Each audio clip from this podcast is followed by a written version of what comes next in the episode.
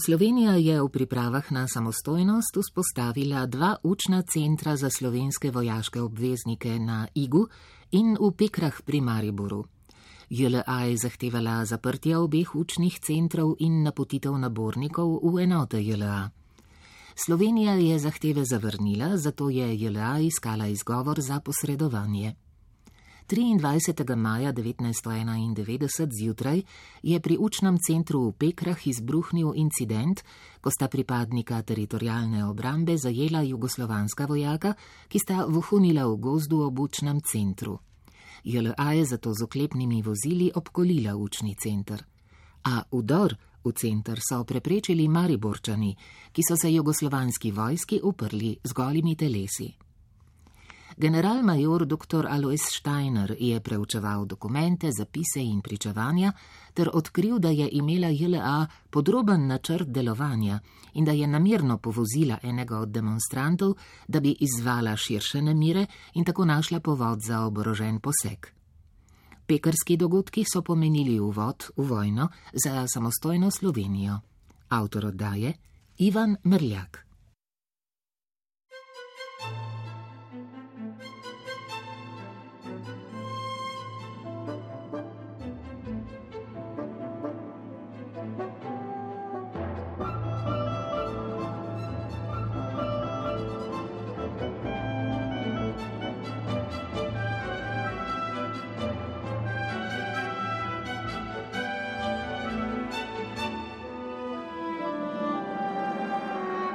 Mejniki identitete.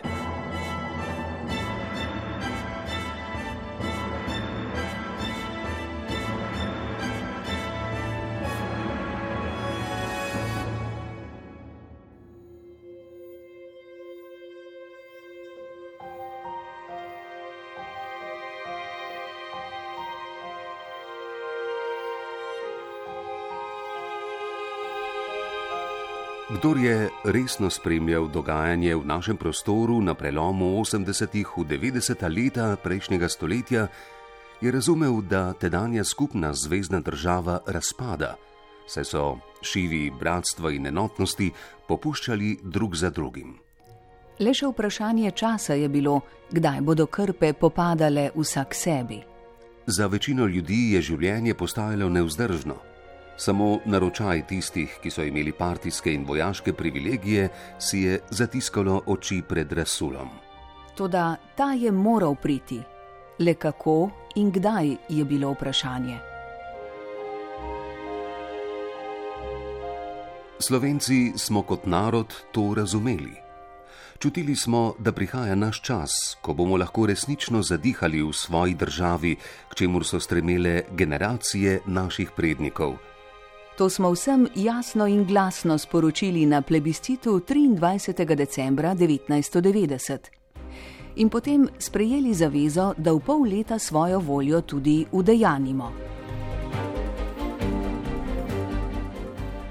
Pravica vsakega naroda, da sam odloča o svoji usodi, sam zase skrbi, sebe upravlja in vodi, je postala trn v peti privilegiranih, ki so imeli moč in oblast in JLA kot fizično poosebljenje moči, eno največjih v Evropi, o čemer so nas prepričevali v vojaškem vrhu, si je odrezala tudi velik kos pogače zvezdnega političnega odločanja ter svoje privilegije razglašala kot nadnacionalno pravico.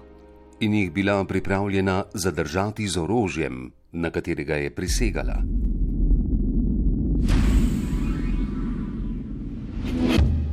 Konec maja leta 1991 je dotlej prikrita vojna pokazala svoj krvavi obraz. Dogodki v Pekrah pri Mariboru, kjer je slovenska teritorijalna obramba v svojem 710. učnem centru urila prvo generacijo slovenskih nabornikov in tudi pred vojašnicami v mestu, so pomenili uverturo v vojno za Slovenijo. 23. maja 1991 so oklepniki JLA obkolili učni center v Pekrah. Teritorijalci so predtem v neposrednji bližini centra zajeli dva vojaška izvidnika, a jo kmalo izpustili. JLA je kljub temu stanki obkolila učni center in zahtevala izročitev enote, ki je priprla njihova izvidnika. Teritorijalci pa niso popustili. Zato je JLA nameravala napotiti vojaške okrepitve, vendar so se temu uprli ljudje z živim zidom. Zvečer so se na pobudo predsednice skupščine občine Maribor Magdalene Tovornik v občinskih prostorih začela pogajanja za rešitev konflikta. Poleg predstavnikov republike in občine sta teritorijalno obrambo zastopala poveljnik vzhodno-štajerske pokrajine Vladimir Miloševič in njegov pomočnik Milko Ozmec. Stran JLA pa je vodil poveljnik 31. korpusa garnizije Maribor, general Mičo Delič s sodelavci vendar je prišel delič na pogajanja z enoto specialcev, ki so pozno po noči na njegov znak udrli v pogajalsko sobo in kljub protestom na vzočih ugrabili Vladimirja Miloševiča in Milka Ozmeca ter ju odpeljali v vojaški zapor. Zjutraj se je napetost še stopnjevala. Novica o nočni aretaciji poveljnika teritorijalne obrambe se je hitro razvedela, tudi zaradi hitrega poročanja Radia Maribor in prek njega našega nacionalnega radia in pisanja tiska. Mestne oblasti so kot protiukrep vojašnicam zaprle vodo, izključile elektriko in telefonske povezave. Ogorčeni ljudje pa so se zbrali pred vojašnico, v kateri so zaprli Miloševiča in Ozmeca in skušali z živim zidom zadržati oklepnike JLA. Toda oklepnik Bov je zapeljal v množico na Ljubljanski cesti in do smrti povozil protestnika Jozefa Šimčika. Postal je prva žrtev vojne za osamosvojitev. Upokojeni generalmajor slovenske vojske dr. Alois Steiner, nekdani načelnik generalštaba slovenske vojske, je kar nekaj let raziskoval dokumente in pričevanja o pekarskih dogodkih in odkril presenetljive novosti.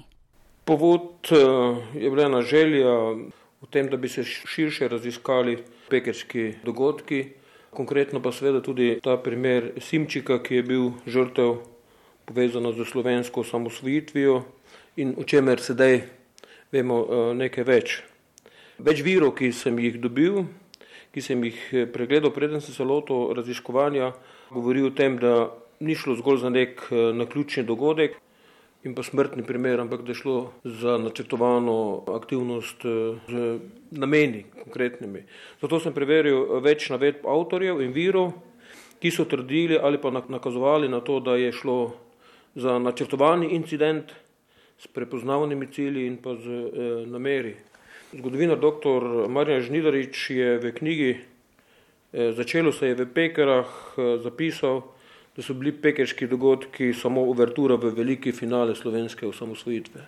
Jaz sem si postavil celo še malo bolj smelo eh, hipotezo, glavno za raziskovanje in sicer, da so dogajanja v Mariboru in okolici maja 1991 bila del načrta armade ali pa samo kontrobveščevalne službe za rešitev slovenskega primera pred razglasitvijo neodvisnosti in odcepitvijo od eh, zvezdne države. Potem si pa k temu zraven nastavil še nekaj tako imenovanih izvedenih hipotez, da so bili pekerški dogodki načrtovani in usmerjeni v primer slovenske neposlušnosti glede služenja vojaškega roka da je potek dogodkov načrtovalce, kljub temu, da so imeli načrt, torej da so imeli namere in cilje, da jih je presenetil, da je bila smrt Simčika ten splet nesrečnih eh, naključij, vendar naklepnih dejanj. Obstaja en del dokazov, ki govori o tem, eh, da so pač morali nekoga imeti kot žrtev, da bi potem lahko delovali na tej osnovi naprej. In še, da sodišča sploh niso preganjale krivcev, zaradi poveljniške odgovornosti eh, za nastalo smrt. No, k temu sem si zdraven zastavil še nekaj drugih eh, raziskovalnih eh, vprašanj. Torej, ne samo to, ali je šlo za načrtovano aktivnost Jugoslovanske ljudske armade, katera so bila ključna razhajanja od tega, kar smo do sedaj opisovali in kar smo do sedaj vedeli. Torej, obstaja nekaj teh novih dejstev, novih, novih podatkov, kako smo opisovali smrt Jozefa Simčika, torej kako v medijih, kako je zapisano zdaj v zgodovinskih virih, kdo so bili glavni akterji Jugoslovanske ljudske armade, torej kdo so bili tisti, ki bi pravzaprav nosili to tako imenovano poveljniško uh, odgovornost. in kakšna, kakšna so bila dejanja vojaških pravosodnih organov, ker je ta dogodek takrat vendarle spadal v pristojnost vojaških pravosodnih organov, ki so imeli svoje naloge na tem področju? In ali lahko te pekerske dogodke povežemo v en širši kontekst.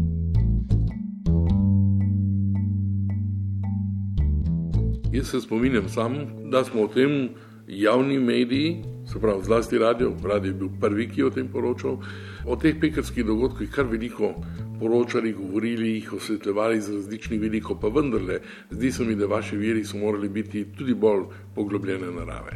No, moram odkrito povedati, da vseh tako imenovanih primarnih virov še zmeraj ni na razpolago.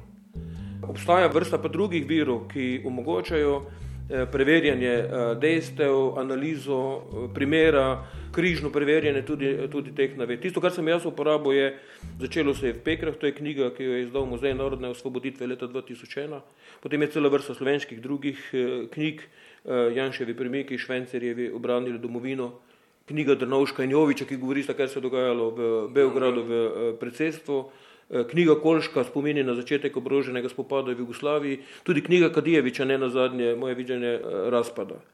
Obstaja ena diplomska naloga, ki govori o, o tem primeru, sicer govori o 710. učnem centru, ampak povezuje eh, dogodke z začetkom ustanovitve tega centra in seveda posledično tudi z pekerskimi dogodki.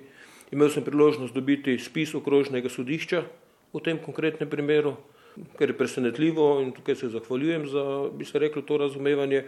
Na razpolago sem imel uh, analizo delovanja enot vojaške policije iz vojne pošte 1219 Niš, torej enote, ki je prišla iz Niša v Maribor, za katero bi lahko z veliko gotovostjo trdili, da je avtentičen dokument, torej da ne gre za podtaknjen obveščevalni, obveščevalni dokument. Uh, pisanja v večeru so neverjetno zelo podrobni opisi uh, dogodkov za celo vrsto informacij in podatkov, ki bi lahko bili uporabljeni tudi seveda na sodišču.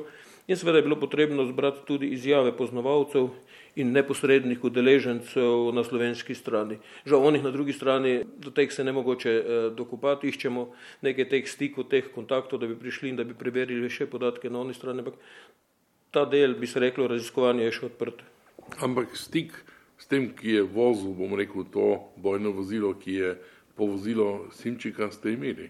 Jaz neposredno ne, slovenska stran eh, pa da obstajajo eh, zapisi o njegovem zaslišanju, torej o vozniku, ta, ki je povzročil eh, nesrečo, ni pa možno priti do tistega, ki je neposredno poveljeval. Se pravi, v enotah, eh, v vojaških enotah je seveda voznik imel en del naloge, tisti, ki je pa odrejal nalogo, je pa imel seveda drug del naloge.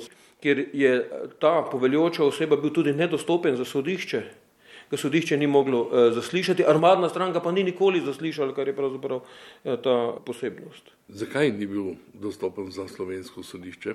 To je bil uh, častnik Slovenske armade, ki je bil namestnik poveljnika 21. bataljona vojaške policije v Nišu, ta je poveljeval. Njemu nadrejeni so bili častniki v kontrobveščevalni službi, se pravi v varnostni službi Slovenske ljudske armade in ti so neposredno vodili. Tukaj raziskava prinese nekaj odgovorov na to, se pravi prvič, ko so dobili v vojno pošto 40-95 Maribor kazensko vadbo zoper storilca in poveljočega, je storilec 30. maja, sprej je voznik 30. maja pobegnil. Voznik je pobegnil. Voznik je pobegnil iz jugoslovanske ljudske. On je bil Hrvat, ne? Eh, da, res je pa, da smo en dan predtem, preden je pobegnil, so mu podozeli orožje. Tukaj seveda bi zdaj bila možna tudi neka natolcovanja, ampak to ni predmet, bi se reklo, takšne raziskave. Drugič, kazenska vadba temeljnega javnega tožilstva Maribor je po veljavni zakonodaji bila odstopljena vojaškemu sodišču v Zagreb. To pa ni bilo pristojno za poveljočega časnika, ki je bil iz Niša, eh, iz drugega območja. Da se tudi sklepe, da je bilo to namirno tako narejeno. Ne? To je bil del tega zavajanja, bi rekel. Igre, ne? Eh, vojaška policija Jugoslovanske ljudske armade ni dala točnih podatkov o dveh glavnih udeležencih, torej ne o vozniku, pa tudi ne o poveljočem častniku. Za poveljočega častnika, torej tega iz eh, bataljona vojaške policije iz Niča, so govorili, da je iz Zagreba. Prav tako niso posredovali število podatkov o osebah, ki so bile v transporterju v časi prometne, prometne nesreče, kar je onemogočalo iskanje in zaslišanje dodatnih prič. Zdaj na sodišču obstaja samo izjave ob zaslišanju voznika, ki so ga prijeli leta 1993. No, po osamosvitvi je ta uh, primer vodilo temeljno javno tožilstvo v Mariboru in ga je leta 1993 nadaljevalo. Sodelovanja z jugoslovanskimi vojaškimi organi pa ni bilo več možno, ker je takrat armada že razpadla. Se pravi, do odkrivanja teh dejstev, ki bi lahko privedla do zaključka postopka na, na sodišču, ni moglo priti. Torej, tisti, ki so vodili akcijo, bodi si na strani organa varnosti 31. korpusa ali obveščevalnega organa ali časnika iz vojaške policije, o teh niso dali nobenih podatkov. Torej, kot da bi pekeških dogodkov ni bilo, čeprav jih imamo na, na fotografijah, na, na filmih, eh, Katalina, eh, Stevilovič in podobni, ki so, eh, torej, ki so bili v akcijo eh, vključeni. Še to je zanimivo, da je vojaški preiskovalni sodnik kasneje vložil kazensko vadbo zoper dva častnika učnega centra teritorijalne eh, obrambe. Tista dva, ki sta verjetno zajela eh, predhodnico. En je bil poveljnik učnega centra, en je pa bil organ varnosti v tem učnem centru. In zatem je ta vojaški tožilec zahteval od slovenske strani vse podatke o sodelujočih v pekerskem eh, dogodku, kar pomeni, da je tudi vojaška stran vodila en del teh postopkov, češ odgovornosti na, na, na slovenski. Ampak eh, zadeva se potem razpleta še naprej v tej smeri, da je Jugoslovanska ljudska armada 2. junija 1991 podala kazensko ovadbo zoper pokojnega Simčika zaradi napada na vojaško vozilo. Tu je ta paradoks najbolj prisoten. Torej, načrtovalci incidenta in neposredno poveljoči za dogodek niso nikoli odgovarjali. To je prva. In drugič, naša sodišča niso bila pripravljena in usposobljena za vodenje vojaških procesov oziroma procesov proti osebam za poveljniško, poveljniško odgovornost.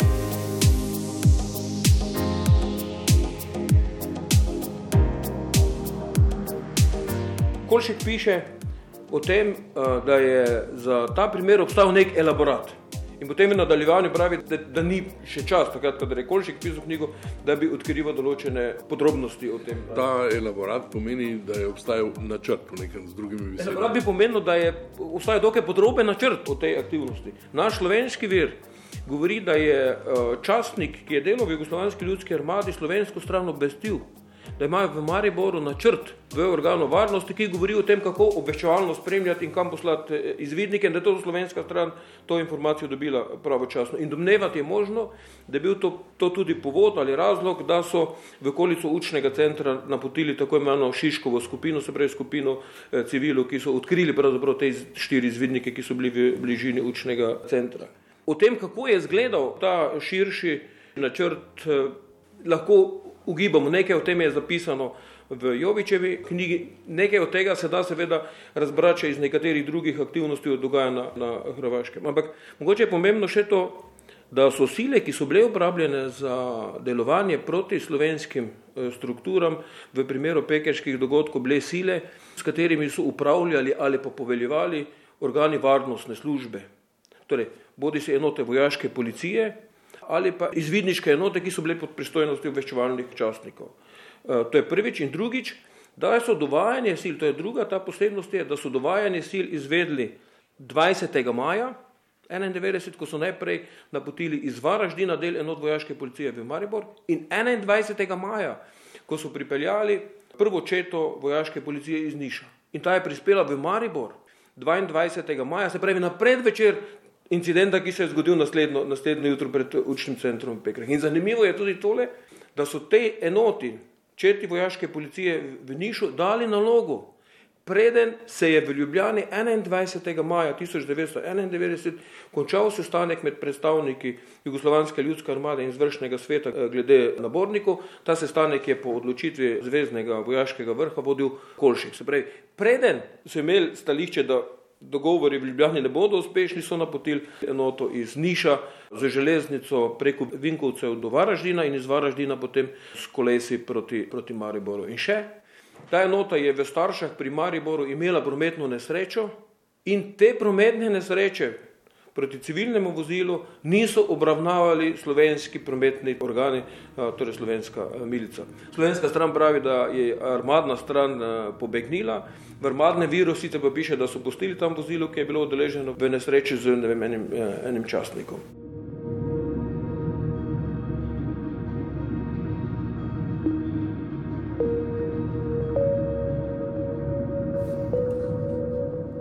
V tej luči bi se lahko vprašali, kakšen smisel so sploh imela pogajanja med generalom Konradom Kolškom in tedanjim republiškim izvršnim svetom oziroma republiško vlado v Ljubljani.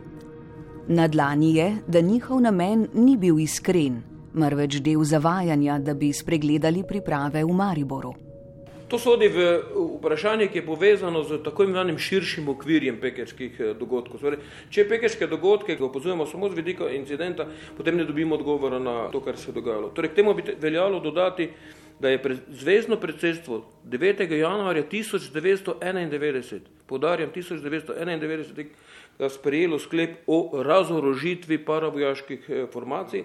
Ta sklep se je nanašal pravi, torej na razorožitev paravojaških enot, predvsem na Hrvaškem, predvsem na Hrvaškem, čeprav v sklepu tega ne piše, da gre za, eh, za Hrvaško. Eh, torej, ta sklep govori o tem, da, da morajo organi, se pravi vojaški, pa tudi policijski oziroma miličniški, predati ilegalno uvoženo orožje in ta sklep se nanaša delno tudi na vrnitev te Slovenije v jugoslovanski vojaški okvir. Torej, govorili so, da je treba teritorijalno obrambo Slovenije, ki je bilo samo pod eh, slovensko eh, ingerenco, predati nazaj zopet pod ingerenco spet tega vojaškega moča. To, to je en del. Torej, po oktobru 90. Ja. leta je teritorijalna obramba začela delovati samostojno. Upeljali smo dva učna centra, Pekre in pa jih, in od tistega trenutka dejansko ni bilo več povezave med Jugoslovansko ljudsko armado in teritorijalno obrambo Slovenije. No, k temu je pa treba zdaj še dodati nekaj drugih dogodkov. Slovenija je 29. marca 1991 napovedala razdruževanje. 9. maja 1991 pa je rekla, da se bo to zgodilo 26. junija, torej šest mesecev po, po razglasitvi rezultatov plebiscita. To je prvi del. Ta drugi del je pa potem naborna problematika, torej problematika, ki je bila povezana z pošiljanjem vojakov v Jugoslovansko armado in posledično tudi z financiranjem zvezdne armade. In tukaj je bilo nekaj dogodkov. 6. marca je slovenska stran napovedala moratorij na napotitev, 17. aprila je bil sprejet slovenski zakon o vojaški obveznosti, ki je seveda že kazal na to, da bomo slovenci usposabljali nabornike v svoji organizaciji. In 21. maja je prišlo do tako imenovanih pogovorov med zvezdno, to so bili pogovori drugič, med zvezdno oblastjo in pa, in pa slovenskim eh, izvršnim svetom, kjer so postavili rok, dokdaj je treba te stvari izpeljati. Treba je pa dodati še, da je armada načrtovala še eno aktivnost in sicer prevzem teh nabornih oziroma rekrutnih poslov in mobilizacijskih zadev od upravnih organov, od občinskih upravnih organov in je to htela prenesti na vojaške organe. Ugotovila je pravzaprav, da s tem, ko nima dostopa do nabornikov in ko nima možnosti mobiliziranja rezervnih sil, da je pravzaprav s tem onemogočena. In potem so postavili rok do 20. maja, Ta rok so pozneje dopolnili še do 30. junija, ampak 30. junija, junija je pravzaprav vojna že prehitela. Jaz mislim, da je ključni razlog, če gremo širše, za izhod osamosvitve na vojne ravno v tem vprašanju, da niso uspeli prevzeti, bi se reklo, eh, nabornih in mobilizacijskih zadev od, od občin. No in še mogoče, armada je trikrat poskušala priti skozi z sklepi za uvedbo izrednega stanja oziroma zadnji sklep je bil majski za izvedbo državnega udara. Prvi takšen primer je bil od 12. do 15. marca, drugi primer je bil na zadnji seji v času Jovičevega predsedovanja zvezdnemu predsedstvu 7. in 8. maja in zadnji takšen poskus, ko so prišli z predlogom za izvedbo državnega ali oziroma vojaškega puča ali pa državnega udara, je bil 17. 17. Eh, maja. Dobrej, dogodki, ki so se zgodili v Pekrah, če zaključimo, je bil pravzaprav ta zadnji poizkus eh, ali pa zadnja možnost za to, da vojska prevzame stvari v, eh, v svoje roke in onemogoči izhod dveh republik iz federacije.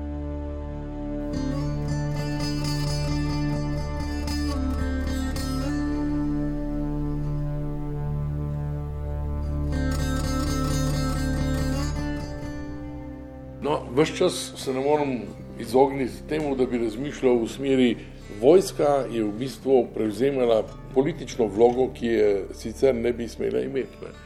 In eh, da je verjetno delovala tudi mimo zvezdnih oblasti, pučistično. Res je to, kar vi pravite, da vojska takšnih pooblastil ali pa takšne možnosti ne bi smela imeti. Dejstvo je pa tudi, da je vojska to vlogo, politično vlogo in možnost vplivanja na politiko imela. Ne na zadnje, če je bilo šest republik, eh, šest partijskih eh, vodstv v takratnem eh, enopartijskem sistemu in sedmo, sedmo partijsko vodstvo je bilo armadno, armadno vodstvo. In res je, da so se veliko krat sklicevali, da armada ne reši ta del zadev. Tudi primer, ko so v Beogradu bile demonstracije, so mimo predsedstva praktično, oziroma za polovico predsedstva poslali vojsko proti demonstrantom.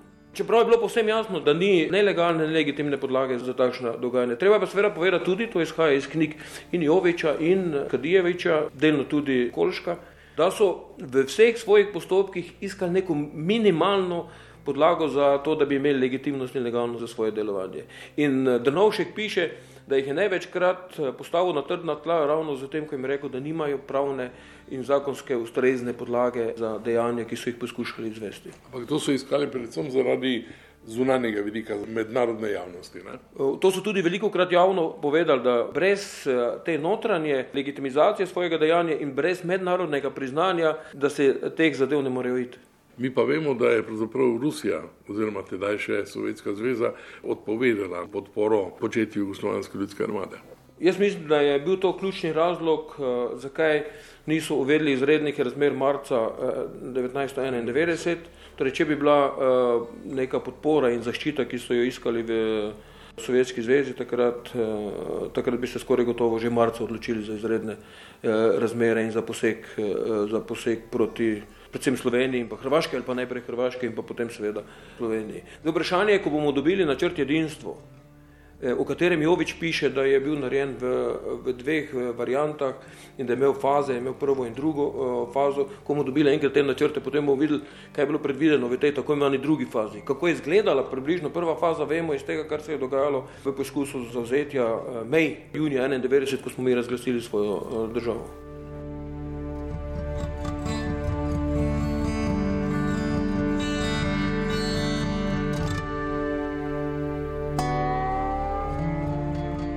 General dr. Alois Steiner je med preučevanjem pekarskih dogodkov ugotovil še nekaj netočnosti, ki se pojavljajo v javnosti. Najprej, v pekarskih dogodkih niso bili nikakršni niški specialci, ampak vojaška policija iz Niša prvič. Torej, niški specialci so imeli takrat oznako, je bila takrat oznaka za specialno oziroma podalsko brigado. Drugič, polkovnika Miloševiča, povednika teritorijalne obrambe eh, vzhodno-štajerske, niso zajeli niški specialci, ampak pripadniki protiterorističnega voda petega diverzantskega odreda iz Zagreba, ki je bil pod poveljstvom petega vojaškega območja. In ko so deliča mediji spraševali, kaj se zdaj dogaja, je on rekel, to niso moji ljudje. In res niso bili njegovi ljudje, ker so bili pod poveljstvom, pod poveljstvom in jih vodo podpolkovniki iz Zagreba. Ja, ampak tukaj se pa lahko vprašamo, zakaj je ta enota pravzaprav deliča, ki je bil pogajalec, spremljala na pogajanja. Kolšek piše, da je odločitev za aretacijo Miloševiča dal neposredno Kadijevič, kar je novost, ki jo do zdaj eh, nismo, nismo vedeli. Je pa logično, ne? Ja. Torej, zavajanje, da je šlo za niške specialce, je bil en del, bi se reklo, uh, to psihološke propagande ali pa poskusa psihološkega delovanja.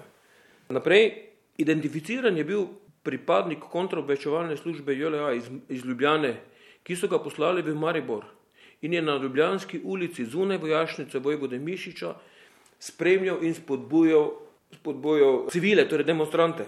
Sprej, poslali so ljudi iz kontraobveščevalne službe, slekli so jih oziroma preoblekli so jih v civile, ki so spodbujali. To kaže na to, da je pravzaprav šlo za namere, da mora priti do incidenta.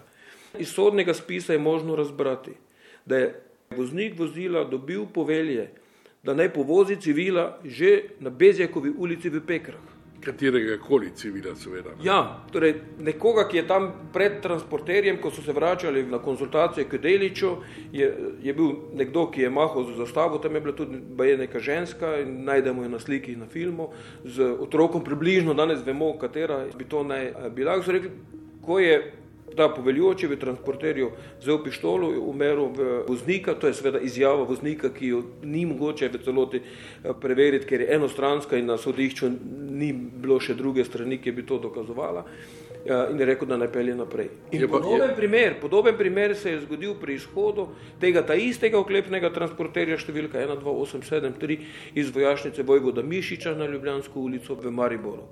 Takrat ni bilo, eh, ni bilo baje povelja vozi, ampak koči, kar pomeni eh, zavirej, kar je pomenilo, da se je iz vozila eh, padel dol eh, ta civil, ki se je potegnil gor na, na vozilo. In v poročilu oziroma v analizi voja, delovanja vojaške policije iz Niša piše, da je v takšnih primerih treba ravnati ravno, oziroma točno tako, kot se je ravnalo v, v Mariboru in predtem v, v Splitu, da je treba se pravi naglo kreniti z vozilom naprej, potem pa uh, zabremzati, da se na ta način, kot piše v tisti, v tisti analizi, utreseš tisti, ki so se uh, skušali pospeti na vozilo. Pospet, pospet na vozilo. In še 24. maja se v Mariboru so se ti dogodki nekoliko umirili, niso se pa zaključili.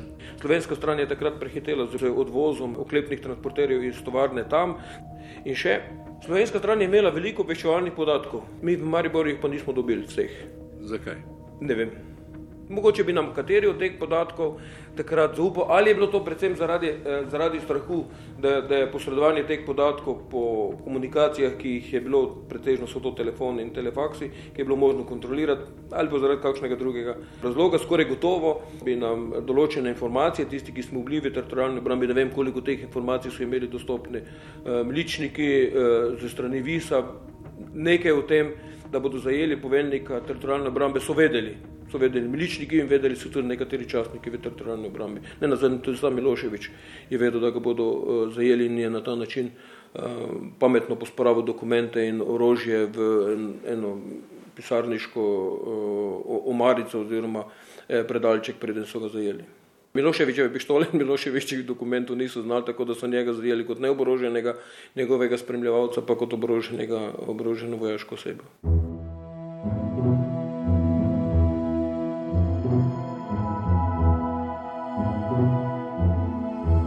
Vendarle se vam ne zdi čudno to, da je on sam vedel, da ga bodo zajeli, pa je vendar šel na ta pogajanja. Po njegovi izjavi eh, so ga obvestili v času eh, pogajanj.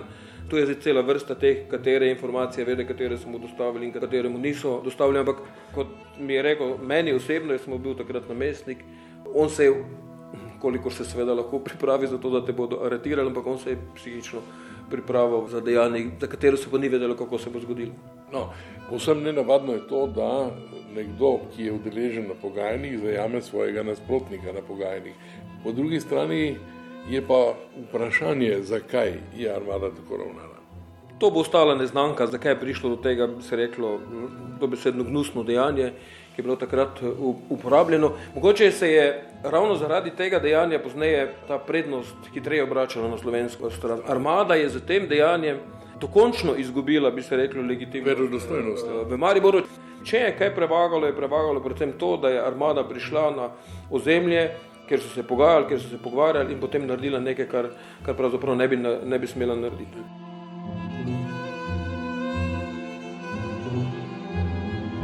Smrt nesrečnega Jozefa Šimčika v Mariboru je bila sicer splet na ključi, čeprav samo dejanje JLA ni bilo naključno, marveč naklepno, da bi izzvalo žrtev.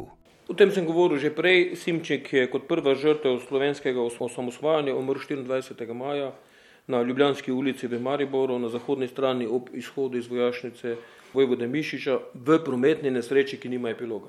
Eh, drugič bi mogoče veljalo povedati, da je bil Simčik slovenski državljan hrvaške narodnosti in povozil ga je vojak Jugoslovanske ljudske armade hrvaške narodnosti, ki je po tem dogodku pobegnil iz Jugoslovanske ljudske armade, pristal v hrvaški vojski in tam zaključil vojno kot častnik. Ta, je bil usumljen za kaznivo dejanje zoper varnost javnega prometa. V vojni eh, na Hrvaškem je on in njegova družina plačala precejšno ceno, izgubijo očeta, ranjena pa je bila seveda tudi njegova mama. Torej, vse to kaže, kako nesmiselna so bila ta dogajanja eh, v Sloveniji, še bolj pa seveda pozneje na, eh, na Hrvaškem. In to je ena od značilnosti vseh civilnih vojn v svetu. A je morda bil ta voznik izbran, to vozilo, ki ste ga omenili, je bilo izbrano namirno ali ne, ali je bilo samo pač komanda pade in To so ga spraševali tudi na sodišču, takrat, ko so ga zaslišali. Zakaj je ravno on? Ne? Zakaj je ravno on? Tudi on se je spraševal, zakaj je ravno jaz. Kako je lahko on je bil poslan na šolanje za voznika, kako je on kot voznik iz uh, centra za voznike pristal v vojaški policiji. Odgovor na to ne vem, če ga bomo kdaj dobili. Jaz ne verjamem tukaj v, v naključje. Takrat je bil, bil je zelo pretresen, to je razvidno iz dveh, treh dokumentov. Ta poveljoči ga je hrabril, češ da je naredil dobro dejanje da je naredil narobe, ko v pekrah ni povozil eh, nobenega, da je pa pred vojašnico eh, naredil dobro. Ampak očitno pa je, da je vojašnico zapustil šele 30. maja. Torej, ko so se pritisk tudi v javnosti pojavile določene informacije o tem, kdo so tisti, ki so bili storilci, storilci tega dejanja. Ja, spominjam se, da je javnost zahtevala kaznovanje voznikov pa vsega tega oziroma poveljnika tega eh, oklepnega vozila. Ja, in večer je prišel z zelo preciznimi podatki, kdo so te odgovorne osebe. Torej, zapisi v večeru so zelo nazorno in zelo jasno kazali, kdo so te odgovorne osebe. Kako je lahko pobegnil tako hitro? V tem, kar je rekel na sodišču, je razvidno, da so mu vzeli puško predtem, da so se pogovarjali z njim in da je to lahko bil ena od možnosti, da si je poklical sorodnike, ki so prišli v, v Maribor in da je potem iz tiste vojašnice lahko preskočil ograjo. Ja, domnevam, da je spoznal v nekem smislu, da bi on bil žrtveno jagnjen. Ali so mu pa pomagali tisti, ki so se prav tako čutili odgovorni.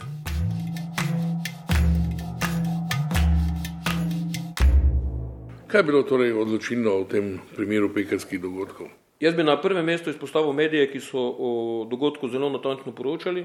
Kot sem že rekel, večer je avtentična in verodostojna baza opisov takratnih dogajanj. Treba reči, da se je takrat v Peker zgodilo en prvi primer, ko so o takšnem konfliktu z vojsko neposredno prenašali iz terena in to je imelo pozitiven vpliv. To je bil ne nazadnje tudi povod za drugi dejavnik, odziv ljudi. Na eni strani v Mariboru in drugič na Bezjakovi ulici v, v Pekrah ker je bil pravzaprav postavljen živi ščit, dolgo časa so bili samo civili, ki so se postavili kot živi ščit in ščitili vojake, ki so bili v učnem centru na vrhu Pekerskega hriba. Pozneje se je tem civilom zraven eh, pridružila še posebna enota milice, ki jih je ščitila, ki je pazila to, da ni prišlo tam do incidenta. To je drugi dejavnik, tretji dejavnik je vendarle treba reči, ravnanje občinskih oblastnih in političnih organov. Kakorkoli si bodo v Mariboru še naslednjih 25 eh, let različno pripisovali zasluge in rekli, kdo je delo dobro in kdo je delo manj, manj dobro, treba je priznati, da je to ravnanje bilo primerno, da je vplivalo na izid, da ni eh, zadeva še bolj eh, eskalirala In politiki Mariborskim oblastnim organom gre zasluga za pritiske, ki so jih delali na Deliča. V analizi, ki je dostopna delovanja vojaške policije, jasno piše, da je Delič bil neodločen, premalo odločen in da če so že hoteli pobrati nabornike iz Peker, da bi morali delovati bistveno bolj energično, hitreje in z večjo, eh, z večjo sil, pa Deličkov ni upal eh, te zadeve pravočasno odločiti, pozneje ko je pa zamudo, je pa bilo to že prepozno. In še mogoče tole preudarnost v postopkih, preudarnost, če je to seveda možno tako imenovati, preudarnost v postopkih teritorijalne obrambe in milice, da ni prišlo do eskalacije.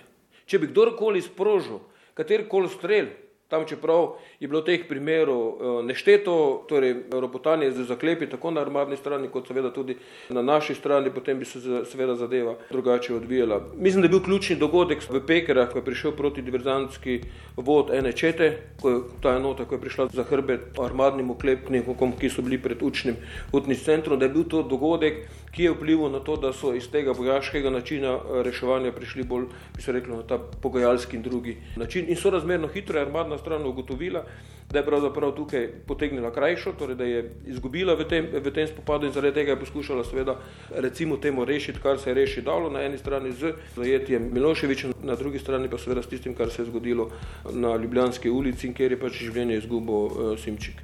Ja, ampak do tega dejanja, do tega trenutka, do tega spoznanja, bo rekla Jugoslovanska ljudska armada, je bilo očitno, da je slovenska stran skušala pomirjevati stvari, medtem ko je Jugoslovanska stran, v tem primeru stran Jugoslovanske ljudske armade, skušala zaostrovati zadeve.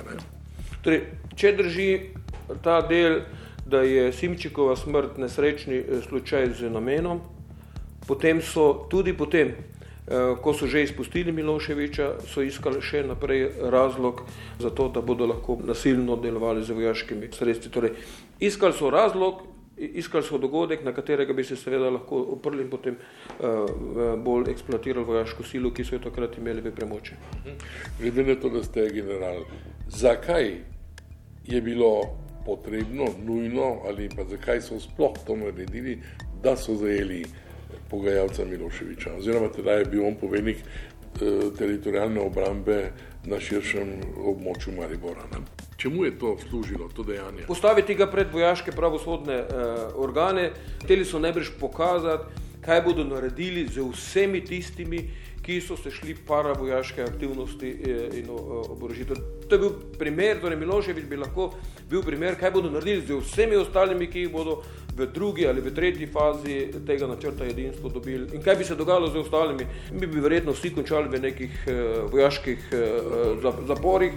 Mogoče bi bilo celo to še dobro, če se lahko ciničen, dobra rešitev, če ne bi končali v kakšnih jamah ali v kakšnih drugih luknjah, brez tega, da bi se vedeli, kje smo in kako smo končali. Za konec dneva reči, če danes gledamo po tolikih letih na te pekarske dogodke, kako bi jih lahko opisali, namen, smisel? Strinjal bi se s tistim, da, je, da so pekare bile uh, začetek, da je bil to preizkus, uh, na katerega mogoče nismo bili v celoti uh, še pripravljeni, uh, da se je ta preizkus končal v korist uh, slovenske strani in da se s pekarami začela nagibati ta prednost na slovensko stran. Mogoče se takrat nismo zavedali v celoti tega načina pristopa, torej ne preveč nasilno, ampak vendarle dovolj odločno.